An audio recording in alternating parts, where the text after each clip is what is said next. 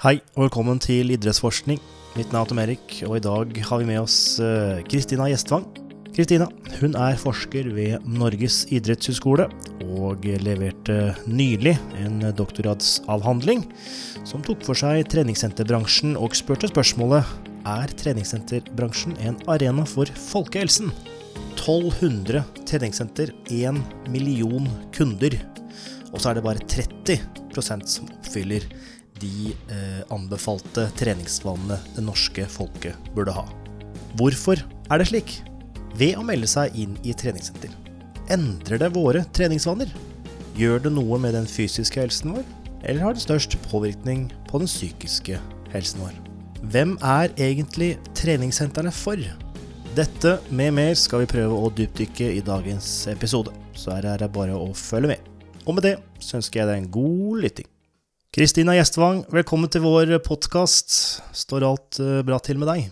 Ja, det vil jeg si det gjør. Jeg har Så fått bra. uh, starta dagen med en liten joggetur med løpevogna og dattera mi, så da er alt bra. Da er alt bra, ja. Du er uh, såpass ivrig på treninga. ja, jeg er såpass ivrig på treninga. ja. Men, men det, er ikke, det er ikke vanskelig å være ivrig når man lever etter at alle monner drar.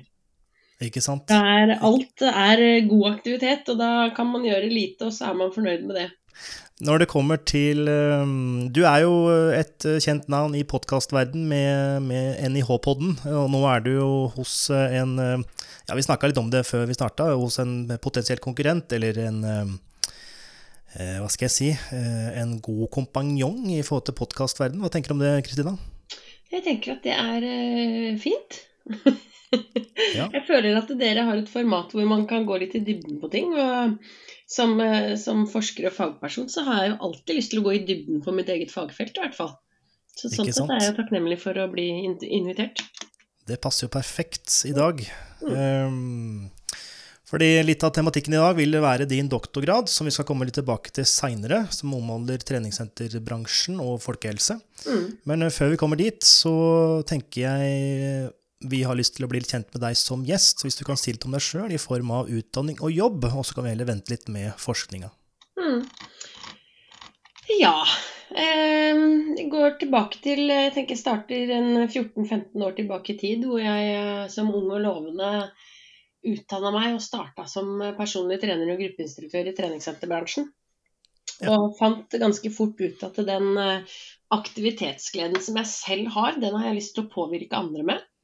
Og så ble veien til mens jeg gikk, jeg fant ut at nei, vet du hva, det, jeg kan ikke bare jobbe her eh, på senteret, jeg må ha lyst til å lære mer.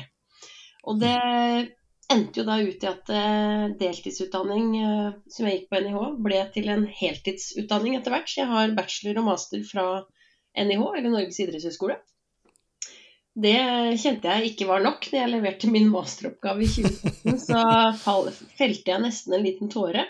Fordi at jeg syntes det var så gøy å forske. Da hadde jeg vært så heldig at jeg kunne jeg hadde gjennomført på en måte et eh, lite forskningsprosjekt som masterstudent og kjente at det var så gøy å kunne fordype seg i noe og lære mer. Da. Så da gikk jo årenes løp, og innen 2022 kom, så hadde jeg i hvert fall levert en doktorgradsavhandling som jeg nå da forsvarte i februar. Og så pleier jeg ofte å si når jeg introduserer meg sjøl om det er at jeg har foredrag eller undervisning, så pleier jeg å si at når jeg ikke tenker på trening, underviser om trening eller forsker på trening, så synger jeg litt. Det er på en måte meg. Ok. Mm. Ok. Det er eh, nok eh, første gang en gjest sier det, i hvert fall. Er det, da, det er ikke bare dusjsynging, dusj, dusjsynging, eller det er mer eh, Er det klassisk, eller er det pop, eller er det hva, hva er det? Du, det er ja, alt utenom klassisk, kanskje? Og Ja. Nei, du, jeg synger i et, jeg synger i et band, et coverband, som er nesten et storband med sju blåser og litt sånn. Vi spiller Wow. mye kule sanger. eh, Alt fra juleshow til at vi stiller opp i, på bryllupsfester. Og så synger jeg i et, eh, et semiprofesjonelt gospelkor. gospelkor. Det er Wow. Ja. Det er fun fact, vil jeg påstå. Ja. Uh, Matthew? Uh, Tom Eric, why have you not used this opportunity to tell everyone what a good singer you are? Because it's not true. We know you sing in the shower. Jeg synger like godt som Tyson Fury gjorde etter matchen med motstanderen sin. uh, we've had a previous singing guest, if I understand correctly, with Arlen Thomason. Is that is that's correct? Yeah, yeah, that might be true, actually. Wow, two singing guests. and a singing podcast host. Ikke sant. Det, det er det bare å eh, notere som ljug fra Matthew. Det, jeg kan ikke å synge. Så, eller, eller, alle kan vel synge, er det, ikke, det sier ikke det, Kristina, men alle kan ikke synges pent. Ja, det kan man si, kanskje. Ikke sant. Ja, og det er syng med den stemmen man har. Man synger med Ja, absolutt. Ja. og det er godt nok. Can, can I just say, I respect that. I like that. I don't think enough of us in sport, particularly, have hobbies outside of sport, especially when it's like our area of research. So I like that you've got a complete, well, I guess, completely unrelated activity going on. I respect that. Mm. Mm, mm, det er hyggelig. Nei, det er viktig å koble av med ja. noen ting som ikke er eh, jobb. Absolutt. Mm. Absolutt. Det er veldig viktig. Eh, nå er du forsker eh, hos eh, Norges idrettshøgskole, stemmer ikke det? Ja, jeg har i hvert fall vært så heldig å kunne starte med i første gang et ettårig engasjement fra august, i hvert fall. Ja, riktig. Med, med, ja, som eh, forsker, underviser og emneansvarlig for personlig trenerutdanninga til NIH Aktiv. Det er på en måte overordna det jeg skal gjøre kommende året, da. Ja, riktig, riktig. Mm. Og det kan vi heller komme litt tilbake til, få til uh, det vi kaller for future research, altså hva dine fremtidsplaner innenfor forskning bringer. Mm. Men uh, din doktorgradsoppgave med tittelen uh, 'Treningssenter en arena for folkehelsen', mm. spørsmålstegn. Mm. Så mitt første spørsmål er egentlig hvorfor ville du undersøke dette her? Hvorfor var du usikker om, om at treningssenterbransjen, eller treningssenterfeltet, var et arena, eller en arena for folkehelsen? Hvis jeg kan sette det litt på spissen allerede fra start, eh, så er jo spørsmålstegnet der fordi at hvis man begynner å se litt på hvor mange treningssentre det fins rundt omkring, eh, hvor mange nordmenn over 15 år som man vet, eller som har rapportert at de har et treningssentermedlemskap, mm. så kan man jo stille seg spørsmål om hvorfor er det da fortsatt bare ca. 30% av norske voksne som faktisk er så aktive som det norske helsemyndigheter anbefaler. Mm. Um, og så har vi eh, jo de siste tiårene så har det vært et par aktivitets- eh, eller handlingsplaner for fysisk aktivitet. Og handlingsplanen for fysisk aktivitet i 2020 har jo fortsatt da foreslått treningssentrene som en potensiell arena for å øke befolkningens aktivitetsnivå. Mm. Så har vi, før oppstarten av mitt eh, prosjekt, så har vi litt Det er ganske lite felt, men eh, vi har noen få eh, studier på europeiske treningssentermedlemmer, noen i USA, som viser at av alle de som starter på treningssenter, så er det ganske mange som faller fra de første tre til åtte månedene. Mm. Og til tross for det, altså det er en ganske stor andel som faller fra, så var det på det tidspunktet vi satte i gang prosjektet i 2015, ganske lite forskningsbasert kunnskap om rett og slett medvirkende årsaker, ikke bare til bruk av treningssenter, men til, altså medvirkende årsaker til at man trener regelmessig. Eh, så fordi at i hvert fall hvis vi tenker i Norge, så er det rundt 1200 treningssentre. Det er rundt 30% eller 1 million nordmenn som sier at de er medlem. Ok, Det er en ganske stor arena, en potensiell arena som kan påvirke mange til å bli mer aktive. Men da trenger vi litt forskningsbasert kunnskap. Det er liksom hovedbakgrunnen, da, rett og slett. Mm, mm. Mm. Denne 30% oppfølgingen av uh, anbefalt uh, daglig aktivitet, uh, eller ukentlig aktivitet kanskje, mm, mm. Ja. er det sam samsvar det med internasjonal forskning, eller er det mer eller mindre ut i utlandet?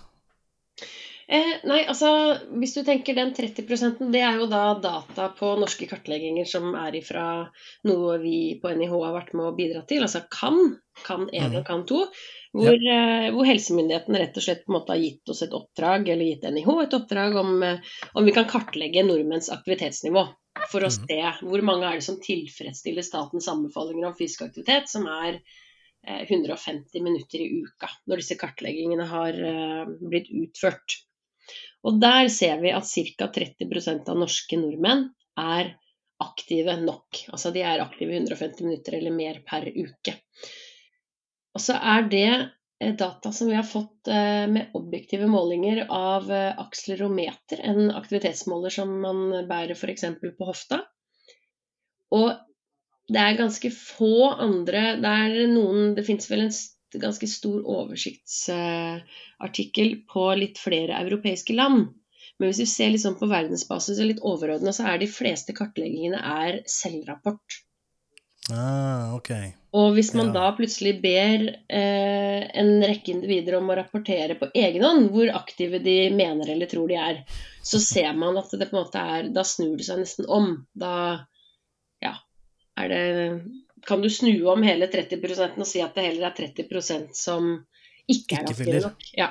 Ok, såpass, ja. Ja, riktig. Men eh, hvis du skal gjøre en hypotese på eh, Danmark og Sverige og Finland, eh, tror du du finner noe av de samme tallene med samme metodikk? Det kan vi nok anta. Ja. Ja. Så dette er ikke spesielt for Norge, eller kanskje Nei. Norden? Eller kanskje Norden, da, men Mm. kanskje, kanskje ikke andre verdensdeler. Mm. Ja, det er jo litt eh, trist eh, håper å si lesning, men høring, når vi har såpass mange treningssentre og såpass mange medlemskap, at, ikke dette her, eh, at vi ikke er eh, sunnere. Men, eh, så det du egentlig sier, at det er ikke noe sammenheng mellom antall sentre og øh, aktivitetsvaner, eller eh, hvor friske vi er helsemessig. Mm, ikke nødvendigvis. Eh, og det er litt sånn interessant når man vet at tilgjengelighet er en av de viktigste faktorene når man skal eh, eh, påvirke eller motivere eh, individer til å være aktive. Så er det det å ha tilgjengelige aktivitetsarenaer er viktig. Mm. Eh, det man ser, hvis man ser litt på bransjen i dag, utover at selvfølgelig så skal man skal ikke glemme at det er de store kjedene, f.eks. Sats sitter jo på en stor medlemsmasse og har mye bedre statistikk enn det jeg kan eh, fortelle noe om. Men litt sånn overordna av bransjen i dag, det er at de medlemmene som trener på treningssenter, det er de som også trente der, altså som alltid har trent. Så hvis det starter opp et nytt treningssenter i dag, Mm. så er det litt sånn at majoriteten av de nye medlemmene der, det er bare medlemmer som man har stjålet fra et annet senter. Ja, ok. Eh, I min doktorgrad så var det 60% som oppga at de tidligere hadde vært medlem på et treningssenter. Så eh, det er ganske mange som vi ønsker å få tak i, men som altså, ja, fortsatt ligger på sofaen. da. Ikke sant. Så vi driver sant. bare og stjeler hverandres medlemmer og har på en måte de samme individene i en loop.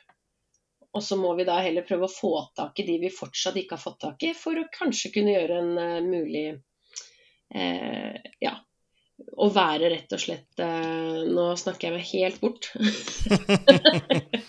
Men eh, vi må i hvert fall eh, prøve å få tak i de vi ikke har fått tak i de nå, for at vi kan være med på å bidra til økt folkehelse. Ikke sant? Ja. Så din doktorgrad, hvis jeg har forstått alle, eller innholdet riktig, så har jo du um, tatt for deg de som faktisk møter opp, og de som da har, er nybegynnere innenfor treningssenterbransjen, stemmer ikke det? Det stemmer. Vi Ja. ønska jo helt eh, ved oppstart, i, når vi satte i gang i 2015, så hadde vi jo lyst til å se altså Da snakka vi om hva kjennetegner de som ikke klarer, og de som klarer å trene regelmessig. Men så er det sånn i forskning at uh, man setter i gang, og så blir det ikke alltid sånn som man uh, tror det skal bli. Og så Mhm. endte vi med at det var ganske få som fikk til å trene regelmessig. Og da ble det litt sånn statistisk, altså vanskelig å gjøre noen gode analyser på sammenligninger. Og derfor måtte vi heller på en måte ha fokus på kun den ene gruppa, da. Ja, ja, de som, ja, for du hadde en ganske stor dropout fra start til tolv måneder, eller? Ja, stemmer.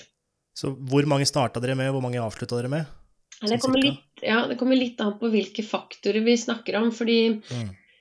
Jeg kan jo starte litt sånn eh, med å fortelle litt om prosjektet. eh, Ja. Som eh, var en tolv måneders prospektiv studie. Vi fulgte 250 nyinnmeldte Sats Elixia-medlemmer på den tida, som det het, i tolv måneder. Det var da fra treningssenteret i Oslo-området. Mm. De skulle da ha vært medlem i under fire uker. Og så var de definert som nybegynner, altså de rapporterte at de hadde trent mindre enn én time i uka eh, de siste seks månedene. Mm. Og så sa jeg 250, og så delte vi den gruppa igjen i to. Så Ja. 125 stykker, de ble først testa på en rekke fysiske tester.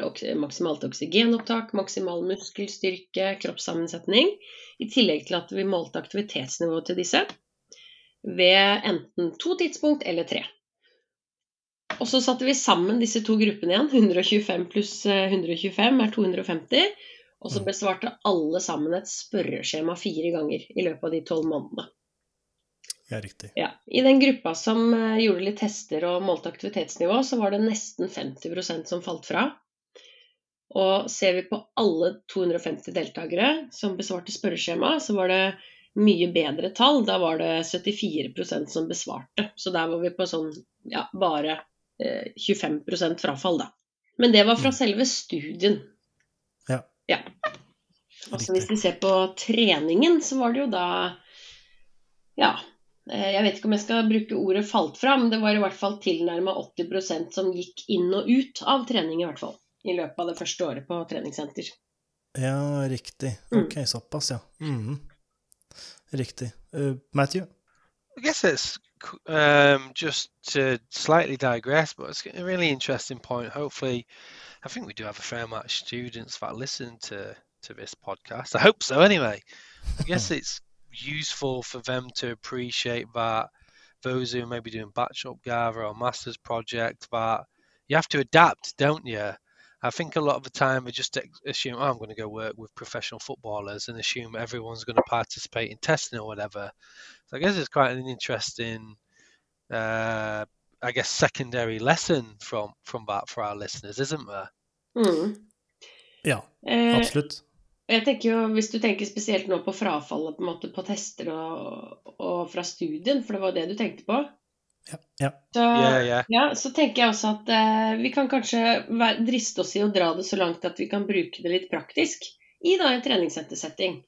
At eh, å ja, hvis jeg eh, som en personlig trener da får eh, solgt en, eh, en PT-pakke til et nytt medlem som anser seg sjøl som nybegynner, og så har jeg kanskje lært under utdanninga med at jeg skal teste disse kundene for å se hvor sterke eller hvor eh, god utholdenhet de har.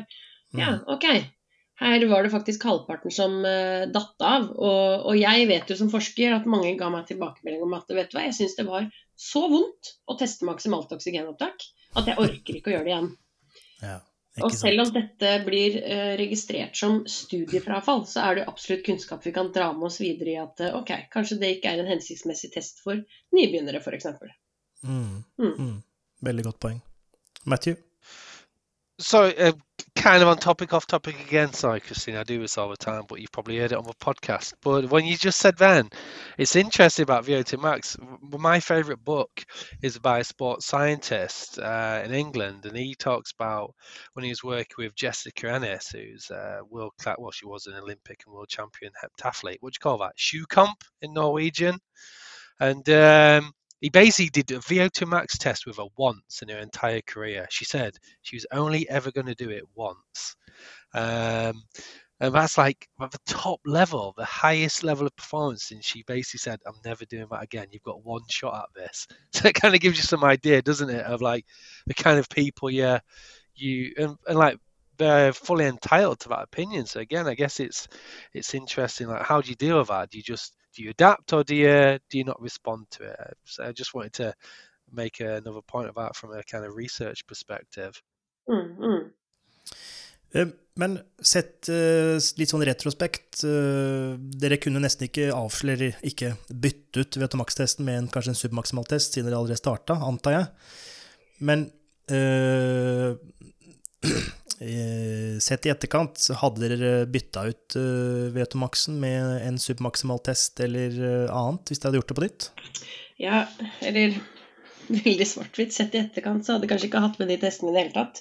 Eh, fordi fordi Ja, vi, vi, hvis, vi, hvis vi tenker at vi ønska jo å se på hva er det som eh, kjennetegner de som får til å trene regelmessig, og så fant vi i en publikasjon som vi publiserte Eh, Nå må jeg holde tunga rett i munnen. I min doktorgrad. Ja, vi inkluderte den i min doktorgrad. eh, For vi har ganske mange publikasjoner fra dette forskningsprosjektet. Mens min doktorgradsavhandling, der kunne jeg jo ikke få inkludert alle.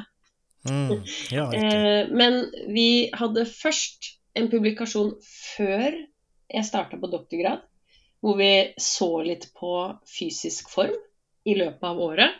Det var det vi brukte testene til. Og så har vi en publikasjon som ble inkludert i min doktorgrad, hvor vi rett og slett brukte disse testene som en slags eh, Altså vi delte de inn i en kontrollgruppe og en slags intervensjon, men det blir jo ikke en eh, intervensjonsstudie. Men vi ønska å se litt på ok, hvis du vet at du blir testa regelmessig, vil det gjøre at du da også får til regelmessig trening. Og vi fant ikke en assosiasjon eller sammenheng mellom regelmessig testing, fordi disse individene ble jo da testa ved oppstart, og så etter tre måneder på treningssenter, og så etter tolv måneder. Men det var ingen sammenheng. Eh, De trente ikke mer enn de som ikke ble testa. Men sånn er det jo litt i forskning. da, så Når vi satt i 2015 og planla det her med prosjektgruppa, så sitter kanskje altså Treningsfysiologene sitter på ene sida av bordet, og idrettspsykologene satt på andre sida. Og så er man litt uenige, fordi den ene sida sier at nei, det er motivasjon som er viktigst. Og så sier idrettsfysiologen at nei, men hvis du blir sterkere i benkpress, eller du kjenner at eh, oi, det er lettere å gå opp trappa, jeg må ha økt oksygenopptaket mitt, så er det det som får deg på trening. Så dette handler jo om at eh, en, en prosjektgruppe som fagpersoner, så har man ulike tanker, tenker hva som er viktigst.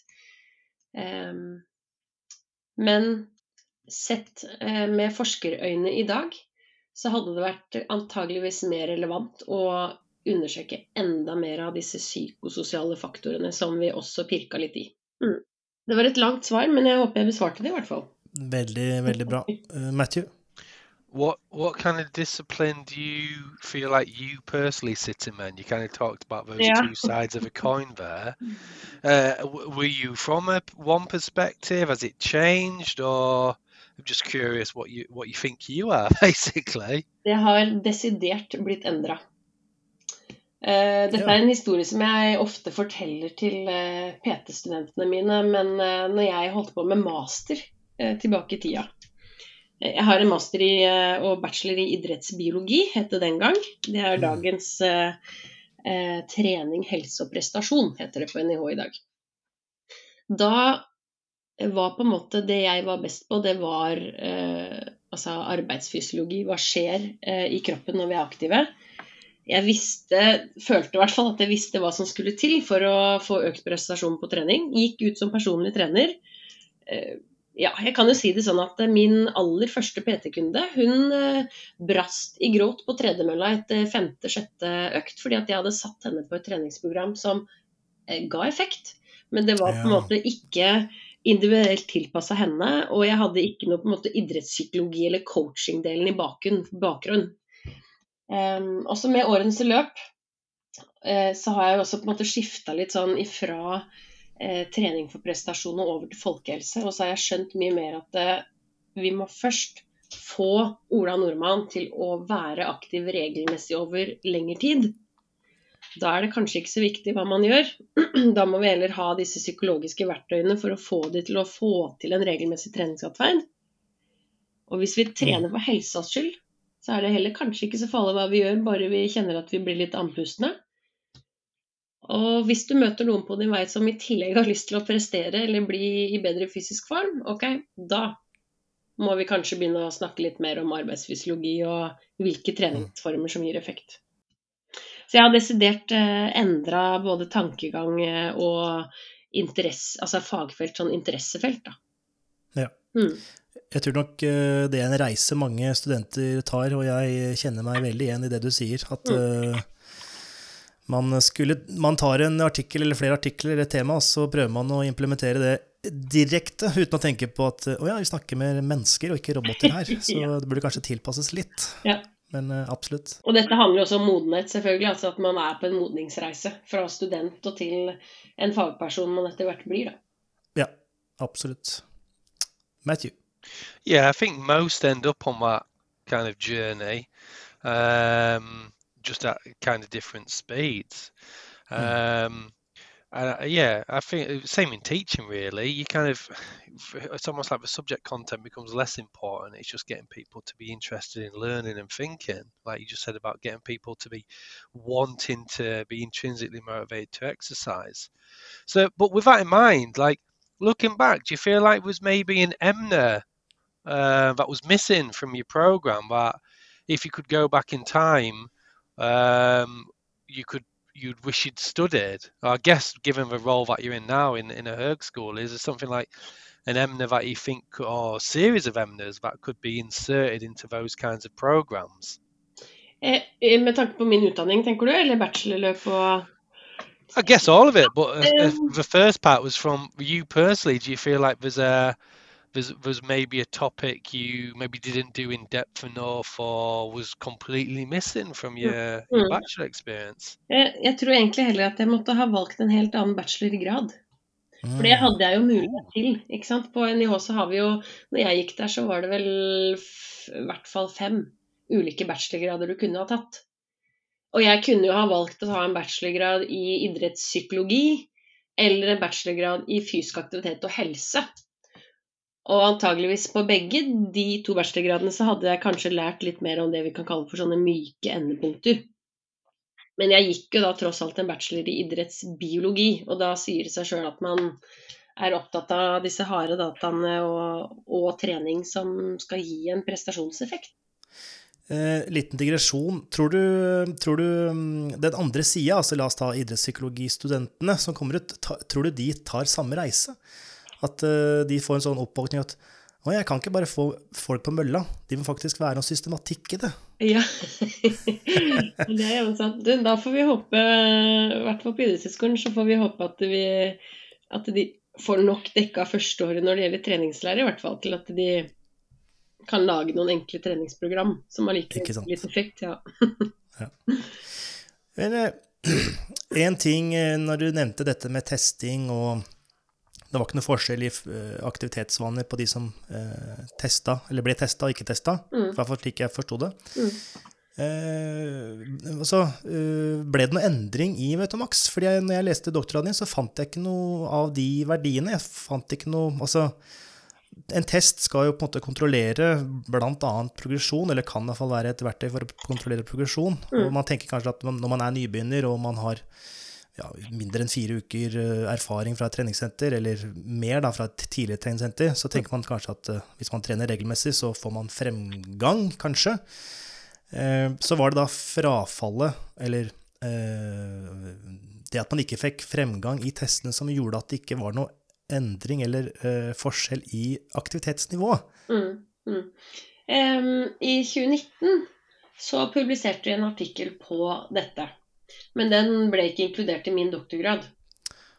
Okay. Men da eh, fant vi Altså, den het rett og slett 'Are changes in physical fitness, body composition and weight associated with exercise attendance'? Ah, kult. Ja. Og, og der ønska vi jo da se på Ok, hva skjer? Du melder deg inn. Mhm. Hvordan vil fysisk form eh, i form av oksygenopptak, maksimal muskelstyrke og kroppssammensetning utarte seg over tid i tre grupper. De som trente regelmessig to ganger eller mer i uka. De som ikke trente regelmessig, altså dvs. Si da én gang i uka. Eh, eller de som ikke trente i det hele tatt. Og da fant vi sånn Vi konkluderte med at Vetomax var den eneste faktoren som i det hele tatt var assosiert med treningsdeltakelse. Så vi fant ingen assosiasjon eller forskjeller da, mellom disse gruppene når det gjaldt eh, maksimal muskelstyrke og kroppssammensetning.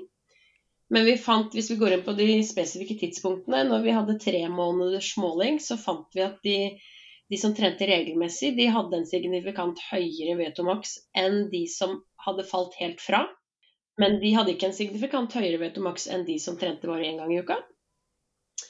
Ja, riktig. Og ved tolv måneder så fant vi en forskjell i Vetomax eh, på ca. 5 milliliter mellom de som trente regelmessig og de som falt fra. Og ca. 6 milliliter mellom de som trente regelmessig to ganger i uka og de som trente bare én gang. Oh. Da er det noen som sier at ok, hvis kanskje 5 milliliter økning i oksygenopptak, det er kanskje det vi kan kalle for klinisk relevant, da. At du Mm. kanskje, kan, kanskje du kan merke det sjøl i hverdagen at det er litt lettere å gå opp trappa.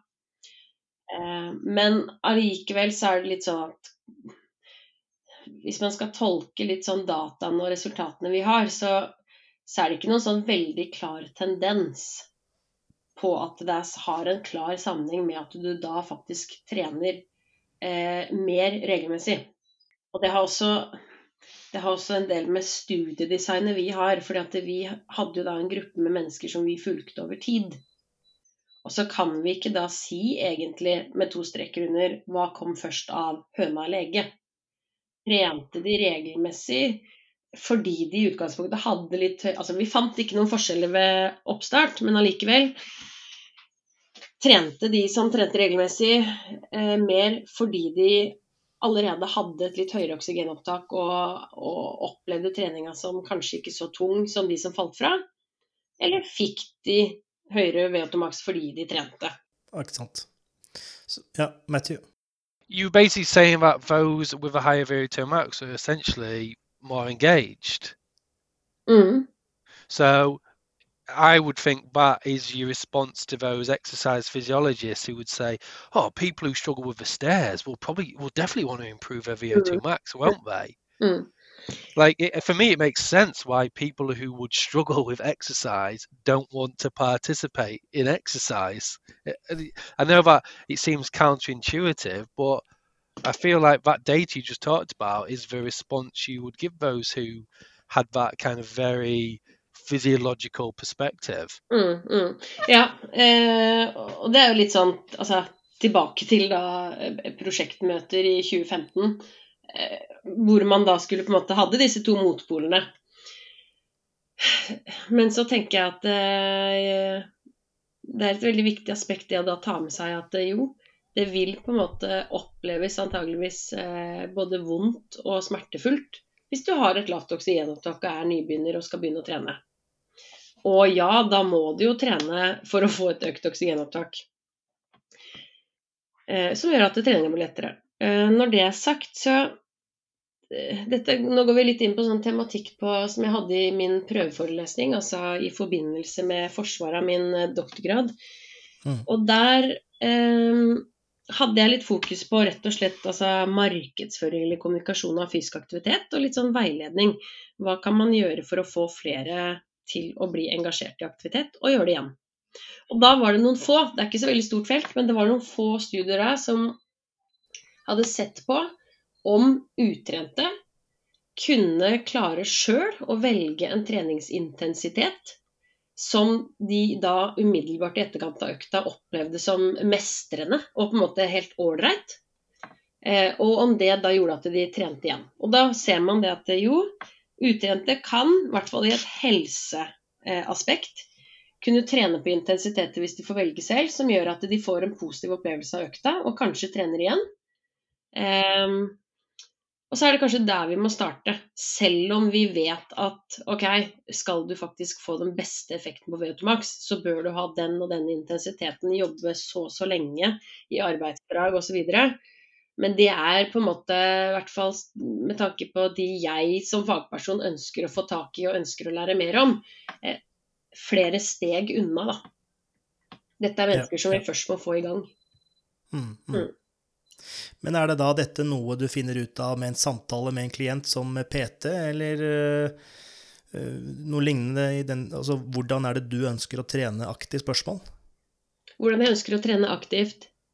Nei, jeg tenkte på um, hvis du skal få personen til å bestemme egen intensitet, Ja. og hvis du da er en personlig trener og har fått en kunde Mm. som er nybegynner, Mm. så er det et lurt spørsmål å spørre um, istedenfor å sette de på 4x4 med 90% maksintensitet, så heller spørre hvor hardt vil du trene, eller øh, ja, noe sånt noe. Er det ikke slik å forstå? Eh, jo, og nå kommer vi altså inn på Dette er noe som jeg, som jeg er veldig engasjert i. Fordi Ja, at det, Og det omhandler jo også hvordan eh, personlige trenere, instruktører, hvordan vi samhandler med mennesker. Og individuelt tilpasser. Og når jeg sier at eh, da f.eks. en uttrent da kan få være med å velge økta sjøl, så kan vi tenke litt hvis vi, basert på noe som heter selvbestemmelsesteorien, som er en veldig sånn velkjent teori som omhandler treningsmotivasjon. så vet vi at hvis et individ skal få økt sin opplevelse av autonom motivasjon, altså det at man gjør en atferd eh, av eget initiativ, så må tre psykologiske behov eh, oppfylles. Eh, man, altså, jeg må føle at jeg har tilhørighet. Det er veldig sånn enkelt forklart. Jeg kan, godt, jeg kan føle at jeg har en tilhørighet til PT-en min. Mm. Eh, at, at, vi har en relasjon. Ehm, jeg bør ha en, en, følelse av kompetanse. At jeg på en måte i hvert fall til en viss grad mestrer eller føler jeg har en OK kunnskap nok da, til å kunne gjøre trening. Der vil jo også PT-en bidra. Og det siste handler om at jeg også skal føle på autonomi. At jeg, dette gjør jeg fordi jeg sjøl vil. Mm.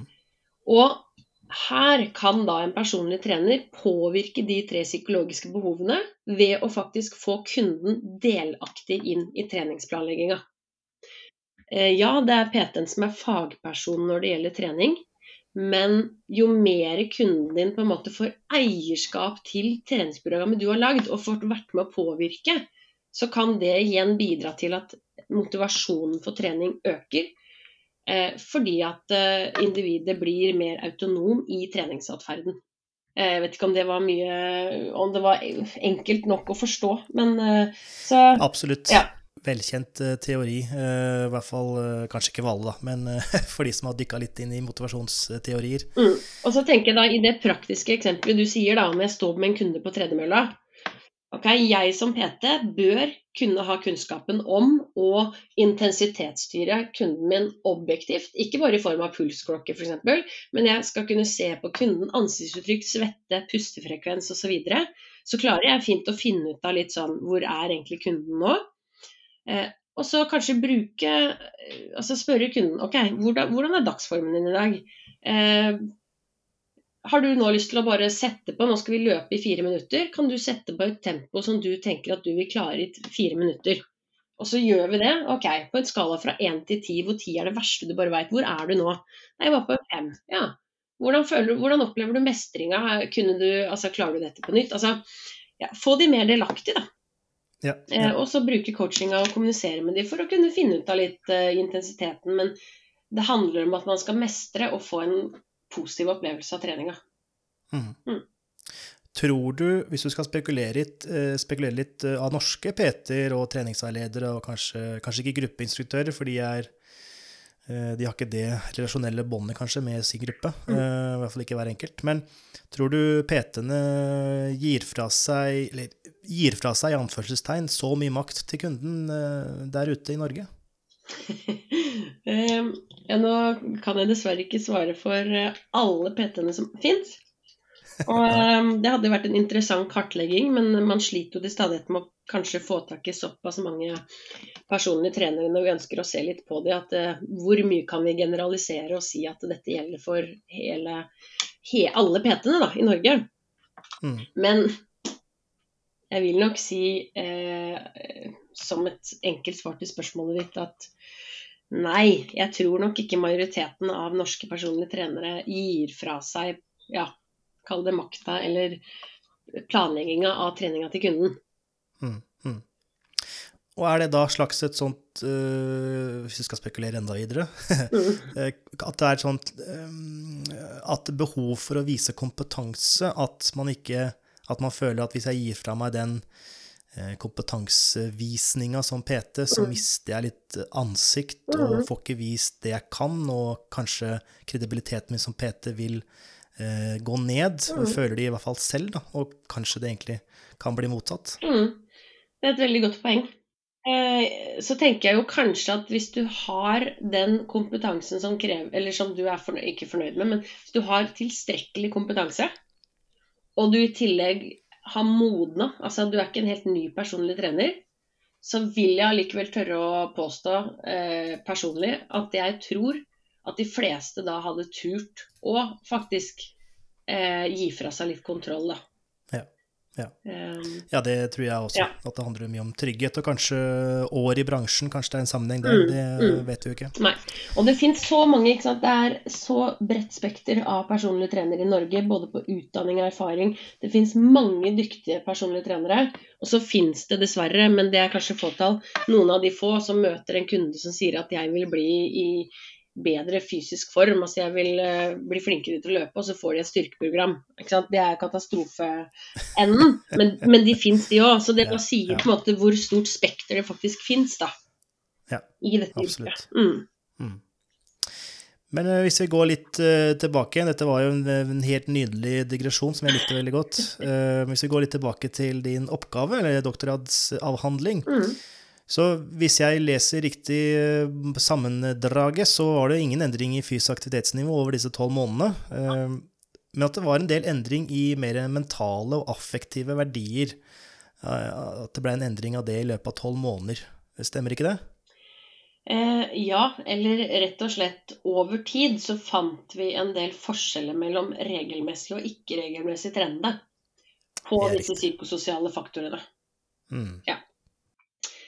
Så vi fant eh, dessverre ikke at et treningssentermedlemskap i seg selv på en måte eh, endra aktivitetsnivå. Det var 38% ved oppstart og ca. 46% etter 12 måneder som tilfredsstilte statens anbefalinger for 150 minutter eh, fysisk aktivitet i uka. Mm. Em, og så begynte vi å se litt mer på disse psykososiale faktorene. Og da besvarte jo alle deltakerne ved 3, 6 og 12 måneder en rekke måleinstrumenter i et spørreskjema. Så vi kartla bl.a.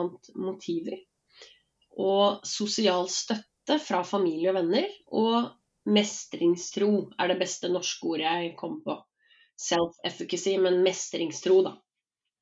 Og da fant vi en tendens til at de som trente regelmessig ved alle tidspunkt, de skårte litt høyere på treningsmotiver, som i at det å trene gir meg litt glede, altså det er lystbetont.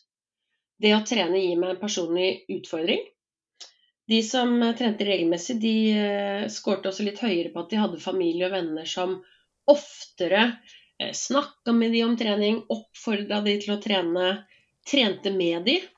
Eh, og til syvende og sist så skårte de også høyere på det sp- måleinstrumentet vi hadde på mestringstro, ved at de rett og slett hadde en litt høyere tro på at om det kom en travel periode på jobb, om familien krevde mer tid fra deg, så hadde de en større tro på seg sjøl til å allikevel klare å opprettholde regelmessig trening. Mm. Men eh, det er bare Altså, både studiedesignet vårt, så er det ikke sånn at vi kan si noe veldig, veldig sikkert. Vi kan si noen tendenser. eh, Med tanke på at vi brukte et spørreskjema og ganske små skalaer eh, fra én til fem, hvor det da blir ganske små nyanser, så er det jo bare noen tendenser. Vi kan ikke si at det er sånn ståa er. Men kort oppsummert så kan vi nok si at det er en tendens til at blant nye treningssentermedlemmer så er det sånn at de som opplever treninga som i hvert fall litt lystbetont, de opplever på en måte det å få en litt personlig utfordring som positivt. De har en sosial støtte fra familie og venner, men de har også en mestringstro, eller sagt med andre ord, kanskje en litt høyere selvdisiplin, det å ta seg i nakken. Mm. Det er på en måte tre faktorer som kanskje viser seg å være viktig da, i denne settinga for å kunne opprettholde en regelmessig treningsatferd. Men hvis du skal svare på din egen tittel på oppgaven din, om eh, treningssenterbransjen er en eh, arena for folkehelse, hva sier du da? Er det et ja-nei-spørsmål, eller kan jeg utdype? Eh, du kan først starte med et binært eh, ja eller nei, og så kan du heller utbrodere etter hvert. Om treningssenterbransjen er en arena for folkehelse? Eh, ja, hvis man gjør noen endringer for å få tak i eh, de som trenger det mest, som er inaktive og lavaktive. Det er først da vi gjør en, et viktig bidrag for folkehelsa. Men når det er sagt, så må vi ikke glemme at det fins en stor populasjon på treningssentrene som trener eh, regelmessig, og som trener mye. Det har Virketrening tall på i sine kartlegginger. Jeg tror snittet er på ca. fire økter i uka. Men når vi snakker folkehelse, så er det jo den gruppa inaktive og lavaktive som vi må få tak i. Og da vil jeg si at treningssenterbransjen er en potensiell arena, men vi må jobbe med å bli enda bedre. Ikke sant. Og hva uh, Dette blir sånn 10 000 kroners spørsmål nærmest. Uh, treningssentrene er for de som uh, trener, men de som ikke trener, hvordan får vi tak i de? Det er et godt spørsmål. Og så er det jo litt sånn at det er ikke bare treningssenterbransjen som sliter med å få tak i de. Det er jo generelt. Mm. Altså, øh, altså, vi kan tenke et enda bredere bilde. Fordi eh, hvis jeg da tar handlingsplanen for fysisk aktivitet igjen som bakgrunn, da, som jeg nevnte så kort i stad, mm. så fremmer den treningssentrene er arena. Vi trenger eh, idrettsklubber er en arena for noen. Vi har sykkel- og gangstier som eh, oppfordrer til eh, transportaktivitet, som er bra. Eh, vi har frisklivssentraler som kan veilede osv. Altså, vi har mange tiltak, vi har mange arenaer som ligger der klare for at folk skal bruke de. Eh, så jeg tror alle, ikke bare treningssenterbransjen, men alle som jobber med fysisk aktivitet, og spesielt kommunikasjon om fysisk aktivitet. Jeg tror vi må prøve å endre og finne flere måter å kommunisere om fysisk aktivitet, så det blir attraktivt for folk. Og da, med attraktivt, så tenker du da tidsbesparende, lysbetont, eh, kortere reisevei, eh, også disse tingene, eller er det andre ting? Det er litt mer andre ting som i at eh, Hvis jeg gir et sånt veldig svart-hvitt eksempel, da, så, så, er det noen få Dette er ganske nytt, dette er ganske nytt felt, og det litt sånn, blir litt sånn kontroversielt kanskje i forhold til hva vi har gjort i alle år. men vi har jo alle år kommunisert at fysisk aktivitet er medisin, og det er bra for den fysiske helsa di. Mm. Og så er det da noen studier som har kommet nå, eller noen eh, papers eh, som har kommet de siste åra, som prøver å utfordre den tankegangen litt ved at Men hva hvis det er sånn at alle individene der ute, de tenker nesten ikke over at de har i det hele tatt en fysisk helse, før de faktisk er hos legen og får beskjed om at de har en sykdom. Altså, er det vi som er allerede fysisk aktive og jobber med dette, som tenker at det forebygge er viktig? Er budskapet vårt Appellerer det til de vi skal ha tak i? Eh, kanskje vi heller må prøve å kommunisere at fysisk aktivitet kan Hvis du kommer på denne gruppetimen eller du løper en halvtime i skogen, så kan du der og da plutselig glemme at du krangla med mannen din, eller det forferdelige jobbmøtet. Altså, at vi kanskje har mer fokus på de umiddelbare følelsene som kan dukke opp når vi trener. da. Ikke at vi alltid skal trene fordi at trening da blir et middel for å nå noe, som en bedre helse. Ja, det er et veldig godt, uh, godt poeng. Uh, og det er uh, det, Veldig enig i det, men hva, hva, skal, hva, skulle innholdet vært der, hvis du har noen forslag på det? og vi har, vi har, jo, Det er sikkert mange tilbud der ute. i form av, eh, Det ene er innenfor treningssenterbransjen i form av gruppetimer i alle eh, sorter. Og du har Peter som er, eh, kan tilby mange, mye rart. og Man har gåturer, man har sykkelstier, som du nevner. Man har masse, ganske mange tilbud der ute. Um, Fins det andre tilbud, eller må de eksisterende tilbud bare selges på en annen måte? Ja, det er det er litt det jeg uh, umiddelbart tenker. Fordi at jeg tenker at uh, ut ifra da en del litteratur, da, selvsagt, men jeg tillater meg altså her å synse litt som fagperson, ja. um, er at jeg mener at vi har vi har alt liggende klart. Vi må bare få folk til å bruke det, rett og slett. Mm. Mm. Vi må få folk, flere folk til å bruke sykkel- og gangstier. Vi må få flere folk til å trene på treningssenter, flere folk til å gå tur i skogen. Ja. Absolutt. Hvordan gjør vi det? Um, det blir et veldig ja, stort spørsmål, men uh, vi, vi, prøver for det. Jeg tenker at vi kanskje litt sånn komme med litt synsete forslag. Eh, vi må ta tilbake hverdagsaktiviteten.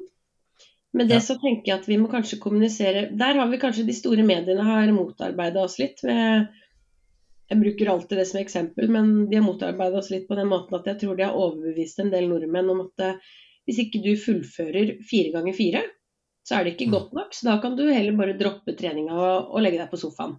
Mm. Det er veldig satt på spissen. Men, ja. uh, Og en kort uh, digresjon eller historie fra datainnsamlinga til mitt eget doktorgradsprosjekt, eh, så var det av og til at jeg selv fulgte deltakerne en hel testrunde på disse som ble testa fysisk. Da er man jo sammen med samme person i en hel time, og så var vi på siste test. Så da er det kanskje lov å liksom skravle litt mer med disse deltakerne om hva de har gjort og hva de har fått til og ikke fått til så sier denne forskningsdeltakeren til meg at nei, jeg har ikke fått til å trene. Um, så begynner jeg å grave litt. Ja, hva er det du har gjort tidligere? Hva er det du har likt? Og nei, som ungdom så hadde hun spilt eh, håndball. Det syntes hun var kjempegøy. Mm. Og så visste jo jeg at uh, dette mennesket var medlem på SATS, for det var jo der vi hadde deltaker. Og så sier jeg at ja, men eh, SATS Colosseum på Majorstad, der, eh, der mener jeg at jeg i hvert fall har sett at de har en hall. Kanskje de har noe håndball for voksne eller ballspill?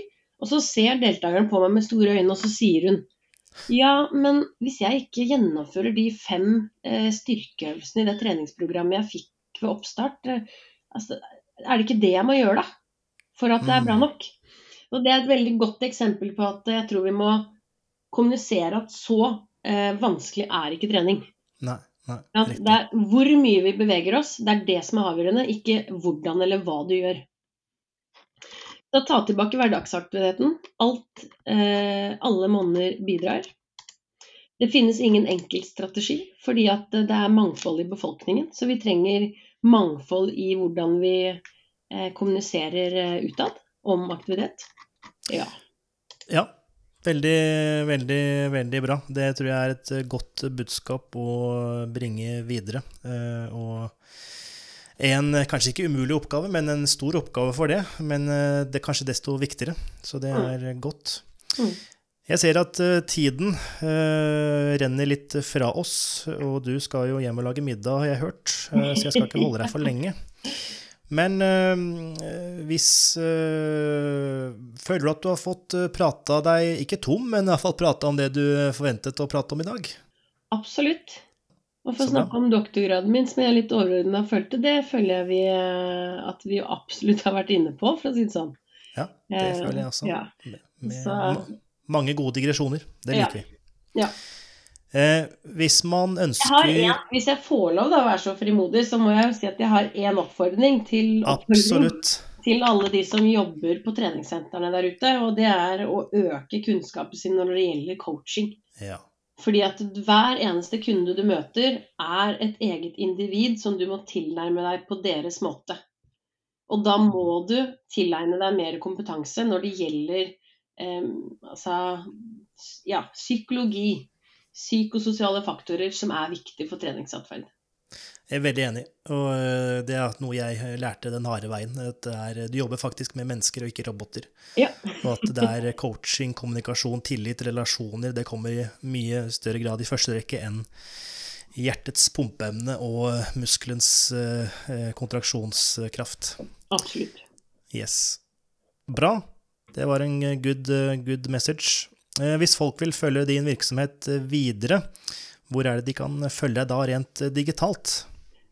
Eh, rent digitalt, eh, der er jeg mest personlig, kanskje. Jeg vet ikke om jeg er privat eller personlig, men på Instagram så, så, oppdaterer jeg i hvert fall nesten hver eneste publikasjon og forskningspublikasjon eh, hvor jeg bidrar, om det er som foreleser eller i podkast som her.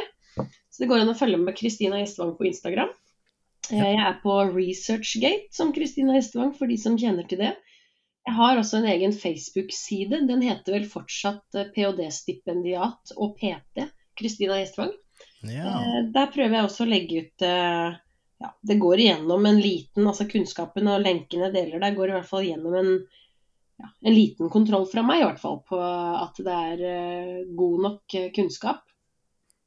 Riktig. Og så har vi oppretta en egen side på Facebook når det gjelder forskninga vi gjør på treningssenterbransjen som rett og slett Det er en side, ikke en gruppe. For det finnes en gruppe med et eh, identisk navn. Men en likerside hvor du kan trykke liker, som heter Treningssenterbransjen en arena for folkehelse. Ok, mm. kult. Ja, det er kult. Mm. Det skal jeg like. Ja.